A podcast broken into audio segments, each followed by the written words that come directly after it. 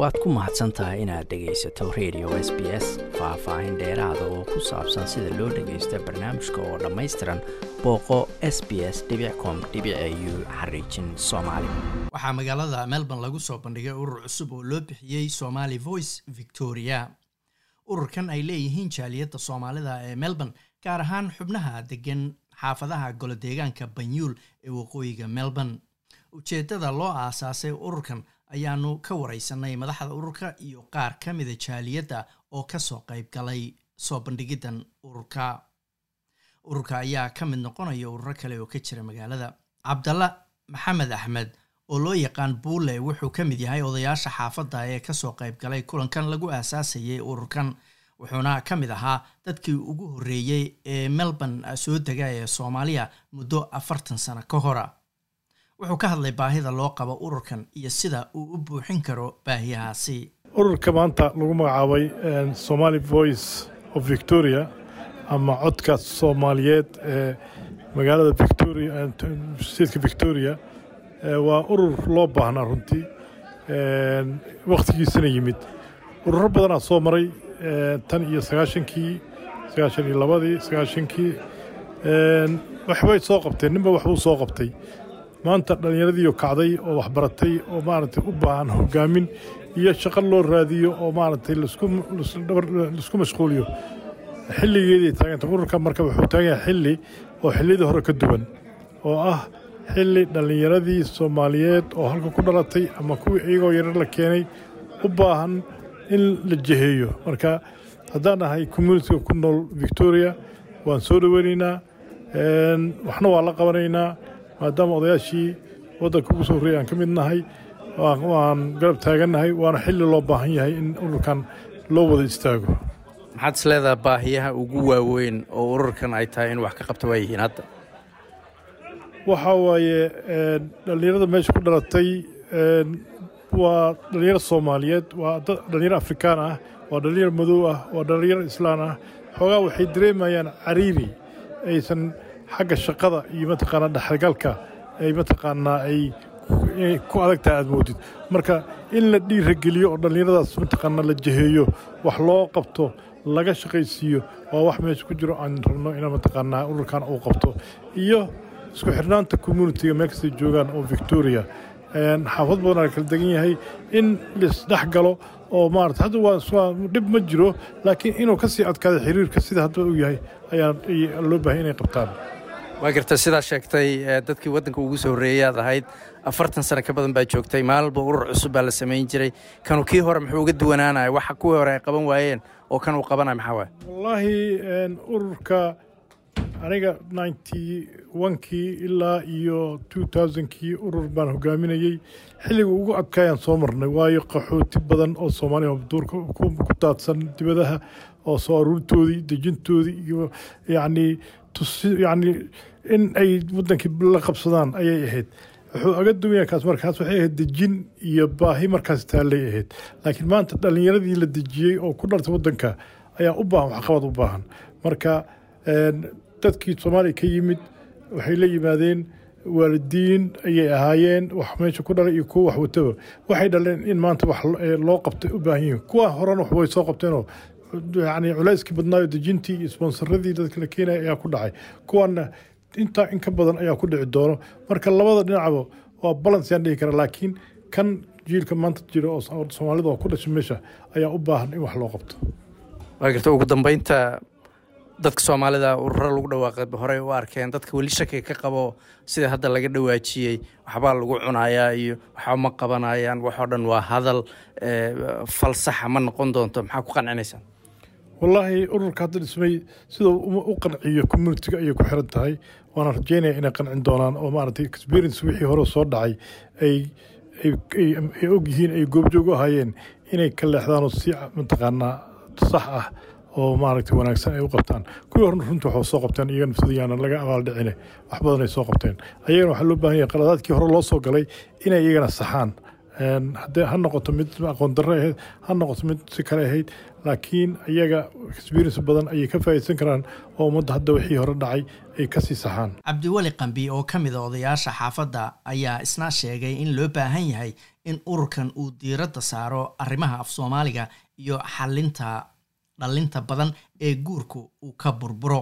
Dood ballaaran baa ka dhacday. Waxaa la ysku soo qaaday qodobo badan oo laysku baraarujiyey. Waxaa laysu tusaaleeyey in muxuu ahaa muddo badan waddankan aynu joognay wax badanna nagu seegeen. Sababna ay u tahay annaga oo kaalintayadii ka soo bixi weynay oo dhinaca kale muxuu ahaa ummadana la mid ah in oo qabsaday inay wax badan fara badan dowladda ka heleen oo is-abaabuleen oo aqoonsi iyo walba loo aqoonsaday annaguna aanu kala daadsannahay waxaan xusuusnaa labiyo lixdankiibaa waxaa jiray markii n f d baa xaaladeedu taagneed marka hees baa jir jiray la ohan jiray nimaan hadlin hooyadiis qadisaye marka annaga markaan halli weynay oo urur xoogan samaysan weynay oo muxuu ahaa howlahayagii raadsan weyne ayaa wax badanna sheegeen. Tiibaa hadda wax badan laga hadlay soomaalida wax kumaamahda caanadaatay dabadooda la qabtaaye wax badan baa laysu sheegay. Muxuu ahaa galabta laysku baraarujiyo. Waxaa ka mid a caruurteena halkaan aynu keennay ama ku dhalatay oo hadda hana qaaday ama weli iskuullada ku jiro afkii soomaaligu ka lumay.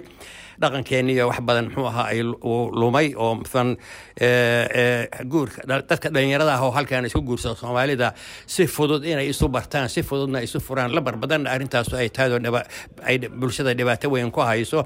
Guurku waxaa weeye waa beerta bani aadamku adduunka ugu fiican uu ka soo baxo marka waxaa la soo jeediyey in arrintaas si looga hortago in guddi la sameeyo culamaa udiina oo dadka dhalinyarada markay isguursanayaan haddii mxuu ahaa mxuu ahaa ay la kulmaan oo u yeeraan marti qaadaan wixii ka ogolaada wixii waajibaada iyo mxuu ahaa dhalinyarada loo sheego qof walba xaqa uu qofka kale ku leeyahay ee waajibaadka kan kale saaran laysu sheego laysku baraarujiyo hooyooyinka oo carruurta mataqaana si waxa loo af soomaaliga loo baro inay keenaan iyo qodobadan caynkaas oo kale ah oo muxuu ahaa. Sheekada odhanaysa muxuu ahaa ururo badan baa la sameeyadoo horey u burburay. Haddee adduunkuba heerka horukaco iyo horumarka maanta la joogo adduunku joogo weligiis ma joogin. Wax badan oo inta burbur baa la soo maro loo dulqaatay. Marka waxa weeye waxaan ku talagelaynaa haddii aan ururkan hadda cusub in uu mataqaana uu noqdo kii lagu degay oo muxuu ahaa lagu liibaanay oo kuwii hore o dhan ka fiicnaaday oo dadka baahidiisii mataqaanaa soo koobay. Saasaynu ku talagelaynaa ilaahayna ka baryaynaa waa garta marka adiga muhiimadda ugu weyn waxyaalaha mudnaantu waa carruurta in lagala taliyo guurka guurkooda uusan burburin iyo luqadda dhalinyarada in lagala arrimaha guurka in lagala taliyo carruurta af soomaaliga in la baro dadkeena waxbartay wadanka inay shaqo ka helaan shaqadii dhalinyaradu ka bixi kara waxbaratay inay helaan. Dadka dhibaataysan oo waayeelka ama guryuhu ku xun yihiin ama wixii la halmaalay mataqaanaa in wax laga qabto wixii dacwad keensado loo ogaado in keensado dadkeena muxuu ahaa xabsiyada ka buuxa in aan u helno fursad in loo tago muxuu ahaa muxuu ahaa la soo booqdo oo muxuu ahaa halkaa lagu ilaawin. Dadka kale oo muxuu ahaa laga yaabo inay muxuu ahaa ku jiraan xeryo qaxooti oo ama magaalada gudaheeda ama meel xoogaa durugsan. In laga warqabo haddii leedno ama toos loogu tago ama bay telefoon lagula xiriiro iyo wixii la halmaala. Cabdulqaadir diideele oo ka mid ahaa xubnaha kale ee jaaliyadda ee ka hadlay kulanka ayaa sheegay in guusha ururku ay ku xiran tahay sida bulshadu ay ula shaqayso runtii waxaan is leeyahay ururka waan ogahay ururo badan ayaa la soo asaasay dhammaantoodna waxaa laga yaabaa inay qoloba wax meel soo gaarsiisay dadku iska saluugsanaadeen haddii runtii ay dadaalaan rajaxumada in la muujiyo waa laga fiican yahay. Marka haddii ay dadaalaan dadka managementiga hayaa shacabka kaashadaan shacabkuna ay la shaqeeyaan.